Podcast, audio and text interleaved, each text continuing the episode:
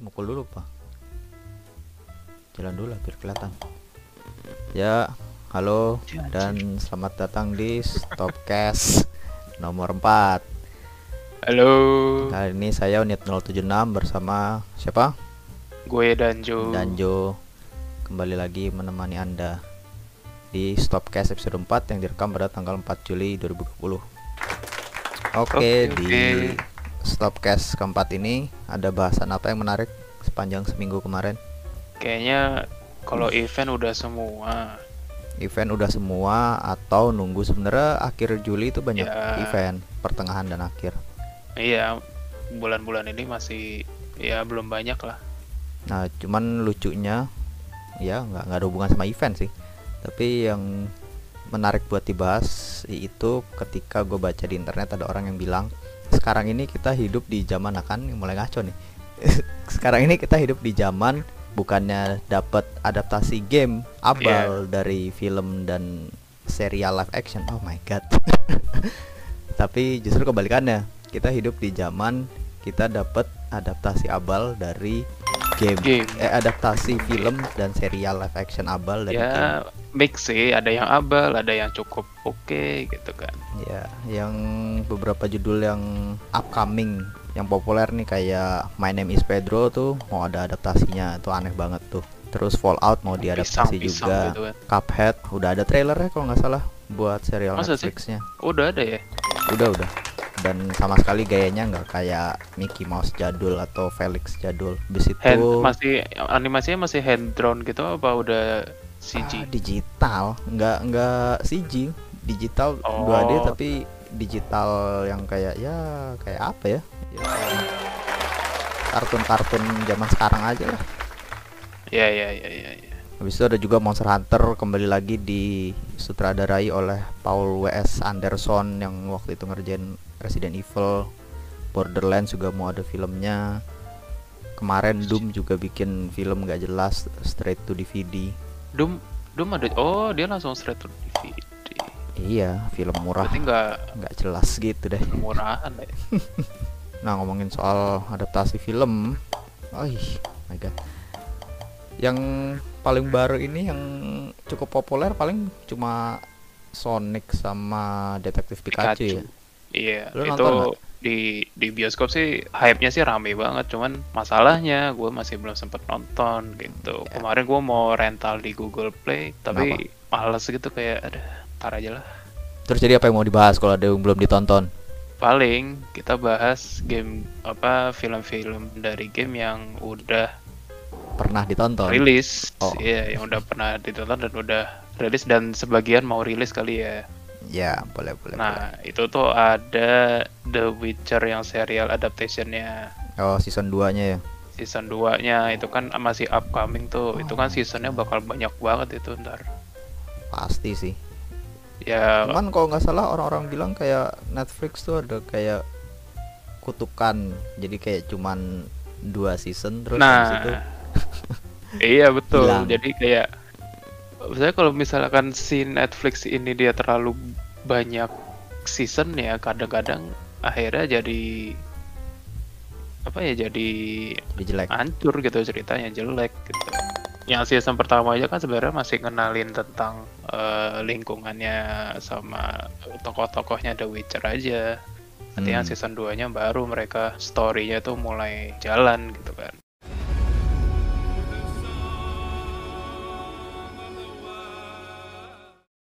Terus Terus satu lagi yang gua doyan Tomb Raider sih. oh yang siapa tuh Alicia Vikander gitu Alicia ya? Vikander dulu kan si Angelina Jolie. Angelina Jolie gitu kan. Kalau dulu gue ngeliat Tomb Raider Ange- Angelina Jolie kayak ah paling cuma seksi doang dapetnya gitu kan. Iya Nah, kayak kalau yang Alicia Vikander ini kayak sesuai karakternya si Tomb Raider ini gitu. Tapi gue doyan Tomb- liatnya. Tomb Raider reboot lah ya. Ah, dan itu kan lebih kayak film action gitu kan. Malah hampir ngarah ke segmen-segmen yang agak dark gitu kan. Nah itu yang gue seneng sih. Karena Oh. Tomb Raider itu bisa yang nggak nggak harus selalu action, pasti dia ada bagiannya yang kayak Hmm. anjir kayak The Last of Us gitulah istilahnya. dramatisnya ya lah ya yang menghumanisasikan si karakternya gitu Iya. nggak uh, cuma kayak- badass action Indiana Jones Ah. gitu istilahnya Uh, uh, ini- maksudnya nih si Tomb Raider ya dia tokohnya tuh keren gitu kalau gue bilang si Lara Croft ini paling kalau yang upcomingnya yang rada menarik itu Without Remorse adaptasi Film dari apa tuh? novel Rainbow Six Tom Clancy's oh tapi masih serial maksudnya ini masih serial yang ditulis si Tom Clancy juga apa udah bukan? Mengingat Eh. mengingat si Tom Clancy juga udah mati gitu loh. Kayaknya sih bukan deh. Oh iya iya iya iya. cuman ya ini kan Oh. dari game gitu kan Rainbow Six diadaptasi ke film walaupun di delay sampai Malah gua baru Oktober denger kayaknya. Tanggal 2 itu baru rilis. Aslinya diumumin kapan? Diumuminnya itu kayaknya tahun lalu deh sebenarnya sih intinya ceritanya ya si apa John Clark ini yang dia former SEAL itu balas dendam ceweknya dibunuh kan. Sama. Nah itu dia lagi investigasi Oh, itu tiba-tiba situ ya tiba-tiba ketemu sama drug dealer dari Baltimore akhirnya ya berantem dah di sana. Kesannya ini apaan ya? Enggak ini ngapain ya? Kesannya enggak Rainbow Six banget ya. Makanya aneh sih emang cuman ya ya itulah Rainbow Six dibikin film. Kayak Wildlands tuh sa- Oh, tuh iya. sama sekali menjurus hampir nggak nggak Ghost Recon banget ceritanya. Ah. Tuh bisa. Ya tapi kalau ngomongin soal film adaptasi game sih bagi gue baru dua kayaknya yang bagus ya. Yang pertama itu jelas nih kayaknya pilihan semua orang gitu Mortal Kombat yang jadul oh ya itu kayaknya nggak nggak ada yang protes deh kalau dibilang sebagai salah satu film game terbaik Iya, karena benar sih. iya karena kayak Mortal Kombat game aslinya juga gitu kan mereka nggak nggak serius mau bikin cerita yang gimana mereka mereka bikin game kungfu kungfuan doang tapi ada unsur sadisnya gitu ya ya Iya, filmnya iya. sih filmnya nggak nggak bisa bikin sadis gitu kan karena ntar rate- pasti urusan rating gitulah terbatas pasti ntar distribusi ah. kalau di sensor sensor cuman ya slognya dapat iya itu sangat-sangat slocky gitu.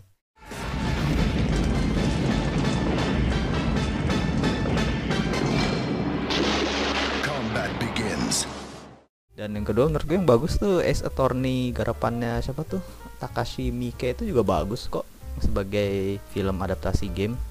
Walaupun Gua emang belum sempat nonton tuh Ace apa Attorney first first act-nya agak terlalu terasa diburu-buru karena ya emang kalau lu main gamenya kan case pertamanya ya nggak bisa dibilang panjang tapi buat film pasti kepanjangan. iya Nah itu menurut gue ya bisa dibilang hampir mirip eh, Mortal Kombat juga sih karena Ace Attorney itu kan karakternya tuh berwarna gitu ya mereka ya game kostumnya Jepang. baju-bajunya gitu ya. Kostum baju-baju dan karakternya ya game Jepang gitu apa sih? Ekspresinya lebay gitu. Nah itu menurut gue berhasil Iya. ditangkap di filmnya ini juga gitu loh.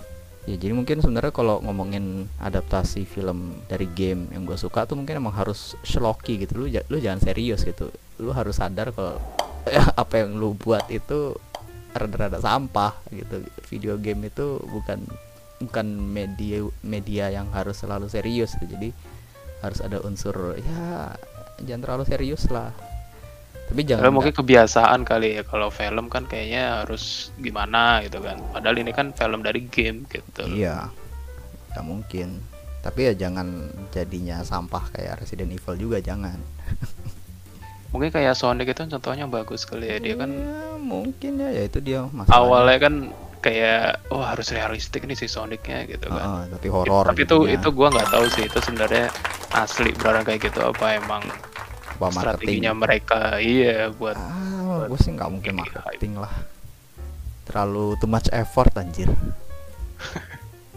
ya siapa tahu. apalagi mengingat Tapi gua rasa setelah- sih enggak sih itu konspirasi doang sih sebenarnya. ya pas konspirasi apalagi setelah eh filmnya rilis kan kalau nggak salah studionya studio animasinya bangkrut apa kalau nggak salah Iya, bubar. Heeh, jadi kan kayak eh, nggak mungkin lah itu teori konspirasi aja lah pasti dan ngomongin soal Resident Evil itu sebenarnya juga ada cara yang luar biasa gampang buat mengadaptasi Monster Hunter jadi live action. Bikin aja kayak dokumenter, do, film-film dokumenter bohongan soal dinosaurus. Udah, gila. Ceritain aja nih apa, Oh. ekosistem fiktif ini apa eh, gaya hidupnya monster-monster. Udah gitu, nggak perlu bahkan karakter hunternya nggak perlu ada. Kayak juga orang-orang pasti bakal suka deh. Lu Cuma nunjukin suka, monsternya doang eh, gitu ya. terus bocah-bocah yang mungkin nggak nggak per- nggak sekalipun nggak tahu Monster Hunter tapi ya, ya maksudnya hari gini nggak masih ada Siapa aja sih yang nggak suka ya dinosaurus? dinosaurus Ada gitu kan eh, iya, kayak Jurassic kayak ini apaan kan. nih dinosaurus tapi hidup Bisa beneran Oh, terbang, bisa ngeluarin api. eh, eh, apalagi kan cita-citanya developer Monster Hunter dengan bikin Monster Hunter World katanya akhirnya kita bisa bikin game Monster Hunter yang dunianya ya berasa kayak dunia beneran gitu jadi Iya. ya udah bikin aja kayak gitu. Tuh ngapain bikin film layar lebar kebanyakan duit? Nggak jelas. Kesel gua asli. Ya, siapa tahu nanti hasilnya keren. nggak nggak bakal. Lu nonton Resident Evil nggak? Wong ceritanya aja udah sinopsisnya tuh udah sh- slok yang- Aneh. bukan slok bagus slot jelek. Isekai yeah. anjir. Sampah. Apalagi yang mau dibahas? Eh. Eh, eh hyperscape eh. Ah. Eh. battle royale lagi battle royale lagi. Jadi apa itu hyper hyperspace apa? Hyper hyperscape itu adalah game baru dari Ubisoft. Woi bola gua kok terbang nih. Battle Royale Arena yang mirip-mirip kayak Valorant dan kawan-kawannya itulah. Kan kalau Valorant bukannya kopian CS ya Iya CS tapi ada hero. ya kalau apa hype kebetulan gue mau ngomong hyperspace lagi kan jadinya apa hyperscape ini battle royale kan pasti kayak PUBG Iya Battle Royale temanya Apex sebenarnya sih mirip-mirip temanya tuh kayak kayak Fortnite gitu, cuman lebih ada karakter kalau Fortnite kan ya Skin begitulah doang. modelnya. Hyperscape, Hyperscape itu apa ya temanya? Hmm. Ada nggak jelas juga sih. pasti nggak jelas ya menurut gue ya ini selevel kayak Pokemon Company tiba-tiba mendadak bikin MOBA bertema Pokemon aja gitu loh kayak kita mau sesuatu yang pasti sukses tanda kutip Oh, Tapi iya. telat. tapi Mm-mm. telat ikutannya Ya namanya Ubisoft pasti dia cari cari aman itu dia cari gua, aman. gua nggak iya. tahu kita udah pernah ngomonginnya di podcast apa enggak yang jelas gamenya Ubisoft seunik apa pun Ubisoft sekarang ya seunik apa pun temanya pasti gameplaynya cari aman ya nggak bisa gue salahin juga sih karena tuh pada buktinya orang-orang pada beli termasuk lu Apa? Gimana apa? apa ayo Assassin's Creed. iya Ya kalau Assassin's Creed sih gue doyan-doyan aja mainnya soalnya kota-kotanya tuh gue seneng aja sih explore ya. Lihat piramid, lihat apa Yunani, Roma gitu-gitu. Seneng aja gue temanya. Ya itu sebenarnya temanya menarik tapi mereka dikemasnya dengan tidak menarik itu itu yang paling gue sebel kayak gue main Iya. Far Cry main Far Cry 5 itu ini game oke tapi banyak bau-bau Ubisoftnya yang bikin jadi nggak oke gitu loh Odyssey itu wah buset dah. Gue seneng sih kotanya gede tapi gede banget. waste of time Cap capek anjir. Kayak banyak area kosong gitu loh. Buat apa gitu ya? Mungkin buat pemandangan, oke. Kan kan biar realistis Jo. Ya minggu ini emang menurut gua belum banyak yang bisa dibahas. Ya sebenarnya banyak banyak aja kalau mau bacot cuman kayak nggak nggak layak buat dibacotin sih. Termasuk bahasan terakhir ini juga Cyberpunk 2077 kenapa gue bilang nggak layak buat dibacotin ya karena apa ya? Kalau menurut gue sih spekulasi buat game yang belum keluar tuh ya juga buat apa gitu waste waste of everyone's time ya ya udah tunggu aja game keluar baru kita protes kalau belum keluar apa yang mau bisa diprotesin gitu loh karena ya kayak katanya Penny Arcade aja gitu kan screenshot bagus-bagus tuh bullshot gitu ya itu marketing Ya marketing. Heeh. Ya kalau developer janji apa-apa ya jangan langsung percaya itu kadang mereka overhype atau ya emang terlalu ambisius. Terus pada menjelang deadline ternyata oh nggak nggak kelar gitu loh. Bukan bukan sesuatu yang aneh sih menurut gua. Ya itu lagi kembali lagi ke Cyberpunk 2077 ini. Itu pas revealnya emang terasa terlalu ambisius sih.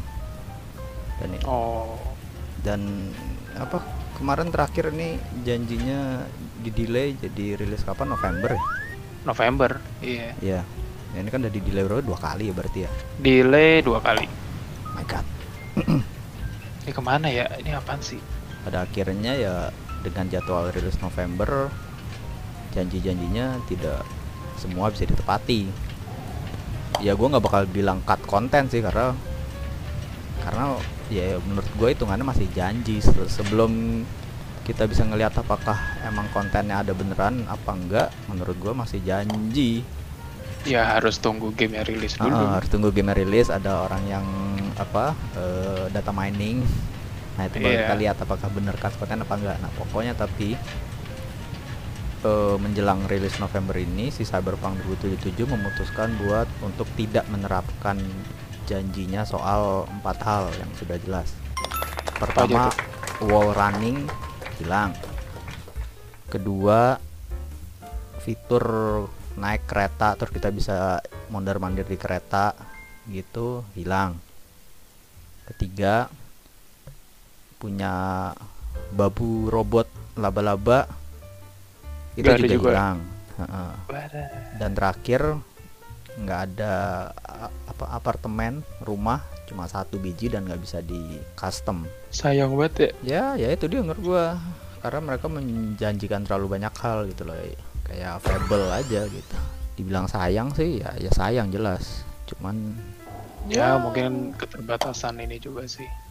eh, ya menurut gua sih masalah dan duit. keterbatasan keterbatasan menurut gua sih enggak tapi menurut gue emang seharusnya jangan janji itu yang lebih aman ini bisa nggak sih kita lompat langsung ke seberang Kalau opini gue sih dari game dari gameplay yang kemarin itu yes movement si V-nya itu rada basic sama agak Oh, jengky juga sih. Eh, rada ceng ya Euro ceng Iya, mungkin mungkin ya ini game FPS pertama CD Projekt bukan sih?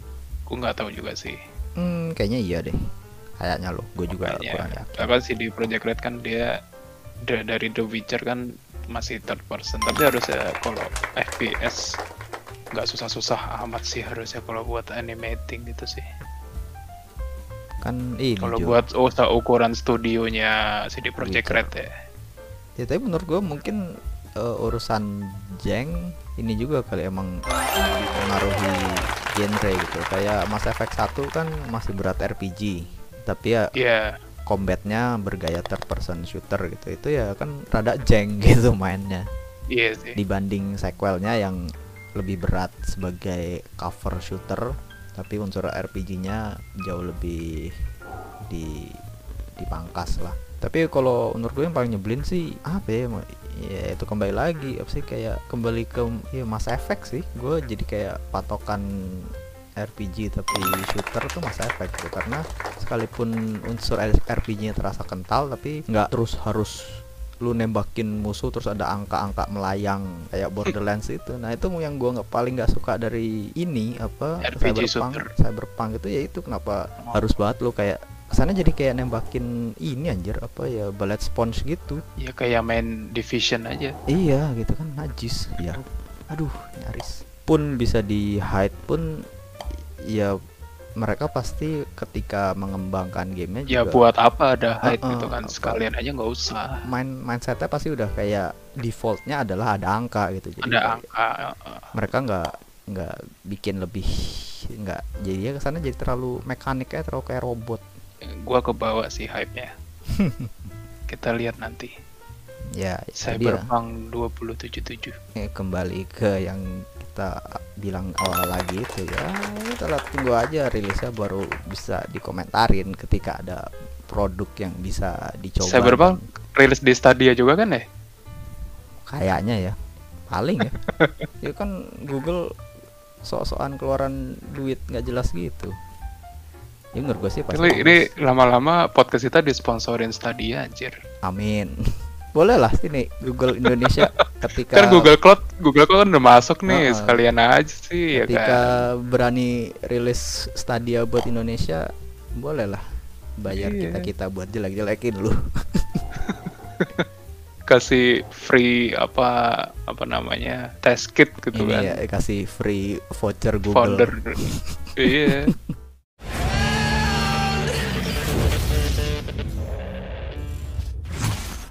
sudah kita sudahi saja Ya, podcast ya tidak fokus eh Stopcast episode 4 yang direkam pada 4 Juli 2020 Tuh bisa Nah. naik anjing. nyaris kita nyat- nyatakan usai saya Onet 076 temani oleh Saya Danjo 1402. ya sampai bertemu minggu depan lain waktu dah sialan nih game susah Ini masuknya ke mana lagi? fuck